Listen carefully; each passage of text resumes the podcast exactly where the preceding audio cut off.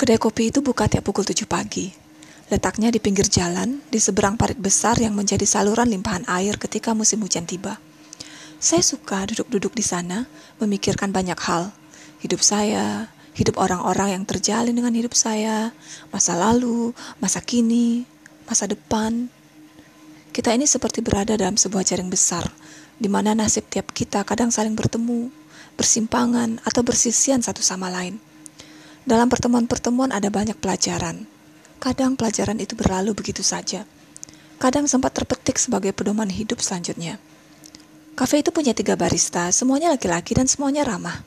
Mereka bisa membuat kopi yang sangat enak. Tapi saya jarang minta kopi. Favorit saya adalah English breakfast tea. Barista menyajikannya dalam teko bening kecil dan saya tinggal menyeduhnya dalam cangkir. Teh itu beraroma kamomil. Saya suka menyesapnya lamat-lamat untuk merasakan hangat dan manis teh. Minum teh sebenarnya bukan kebiasaan saya, termasuk minum kopi atau coklat hangat. Minuman yang biasa saya minum sejak kecil selain air putih adalah susu. Sebelum saya dan adik saya pergi sekolah, ibu saya biasanya menyiapkan segelas susu untuk kami, bukan teh, apalagi kopi. Saya tidak suka kopi. Dulu, saya tidak suka pada rasa pahitnya yang pekat. Mungkin itulah alasan saya kenapa saya selalu minta teh di kedai kopi itu. Teman saya bilang saya ini aneh, pergi ke kedai kopi hanya untuk minta teh. Tapi apa sih hal berbeda yang dilakukan orang lain yang tidak aneh bagi kita? Saya sering merasa aneh dengan orang-orang yang masih memakai payung padahal sudah mengenakan jas hujan. Atau yang hanya ingin menulis dengan pena tinta hitam meski ada banyak pena biru di depannya. Atau yang cuma suka nonton drama Korea sementara ada banyak drama menarik lainnya di, di berbagai platform menonton. Terkadang tanpa sadar kita suka membandingkan orang lain dengan diri kita dan merasa apa yang dilakukan orang lain itu salah. Hanya karena itu berbeda dari diri kita. Terkadang kita lupa bahwa setiap orang tersusun atas keping-keping pengalaman yang berbeda yang membawa mereka pada keunikan sendiri-sendiri. Suami saya bilang, jika yang dilakukan itu tidak melanggar aturan Tuhan dan aturan polisi, ya oke-oke aja. Saya suka kedai kopi itu. Saya berteman dengan pemiliknya selama bertahun-tahun meski jarang bertemu. Kedai itu perlahan menjadi tempat nyaman lain dalam hidup saya, selain rumah tentunya. Saya cenderung monoton. Jika saya menyukai sebuah kedai kopi, saya akan terus datang ke sana, duduk di kursi yang sama, memesan minuman dan makanan yang sama, serta bicara pada orang yang sama. Bahkan saat masih sekolah dulu, saya hanya ingin berada di kelas yang sama. Waktu saya masih SMA dulu, da, mereka punya program kelas unggul. Anak-anak yang masuk ke sana adalah anak-anak yang memiliki nilai tertinggi di setiap kelas. Saya berasal dari kelas 15 dan karena saya tidak ingin pindah dari kelas itu, saya berusaha mempertahankan nilai saya agar tidak pindah ke mana pun.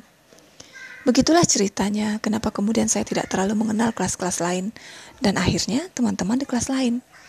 Apakah itu buruk atau baik? Saya pikir tergantung dari sisi mana melihatnya ya. Bagi saya itu baik-baik saja. Bagi mereka yang suka penjelajahan, petualangan, sikap seperti itu boleh jadi sebuah celah. Tetapi, monoton menyukai sesuatu bukan berarti anti perubahan. Sebaliknya, saya malah sangat menyukai perubahan dan tantangan-tantangan yang harus dihadapi untuk bisa melewatinya. Perubahan hidup membuat perubahan membuat hidup kita jadi dinamis. Pikiran bergerak dan secara aktif kita akan mencari orang-orang yang bergerak bersama. Perubahan adalah soal lain kedai kopi, dan meja yang selalu saya pilih adalah soal lain juga. Di kedai itu saya suka duduk di depan meja bar. Di situ ada meja kecil dengan dua kursi, cocok untuk saya yang suka sendiri. Namun, di saat yang sama ingin selalu bisa terhubung dengan orang lain. Di situ saya bisa menulis dan mengunduh apa pun yang saya butuhkan. Kebanyakan yang saya unduh adalah jurnal-jurnal pedagogi, psikologi, dan penelitian di bidang pendidikan. Sejak punya anak, minat saya terbatas pada dua hal saja, menulis dan dunia pendidikan anak. Dua hal yang ketika saya dalami ternyata merentang dari barat hingga ke timur. Semakin banyak yang dibaca, semakin ingin mempelajari hal lainnya. Mempelajari penulisan tak cukup hanya dengan membaca buku-buku teori menulis. Saya juga harus mempelajari banyak lain, hal yang lain juga kan? Sama aja dengan mempelajari dunia pendidikan anak. Tidak cukup hanya dengan membaca buku-buku tentang pendidikan saya justru harus lebih banyak membaca buku-buku psikologi, komunikasi, psikologi komunikasi, bahkan neuroscience. Karena satu ilmu tak bisa berdiri tanpa ilmu lainnya. Mempelajari hanya satu ilmu membuat pengetahuan kita jadi pincang, berpikir jadi tidak imbang.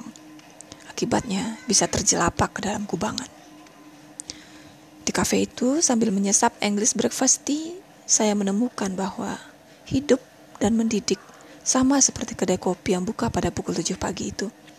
Saya tidak akan bisa menikmati manisnya teh kamomil secara utuh bila tidak bisa menyelami merdu denting cangkir, lembut percik air, hangat sapa bibir, dan eratnya aura persahabatan yang ditawarkan kedai itu. Teh kamomil dan kedai itu adalah satu kesatuan. Kenikmatannya hanya akan datang secara utuh bila dibarengi kehadiran yang lain. Begitulah sejatinya hidup dan pendidikan. Keduanya adalah sebuah kesatuan, bernapas dalam diri satu sama lain. Apa yang kita alami setiap hari, bagaimana kita berpikir, bersikap, bertindak, memperlakukan orang lain adalah hasil yang kita alami. Dan ketika kita punya anak, maka bagaimana ia berperilaku juga hasil dari kehidupan yang ia jalani selama ini. Kedai kopi kesukaan saya itu buka, menawarkan pelajaran kehidupan pada pukul 7 pagi. Pada pukul berapa kita membuka mata hati kita untuk bisa melihat dan mendapatkan pelajaran hidup hari ini? Terima kasih.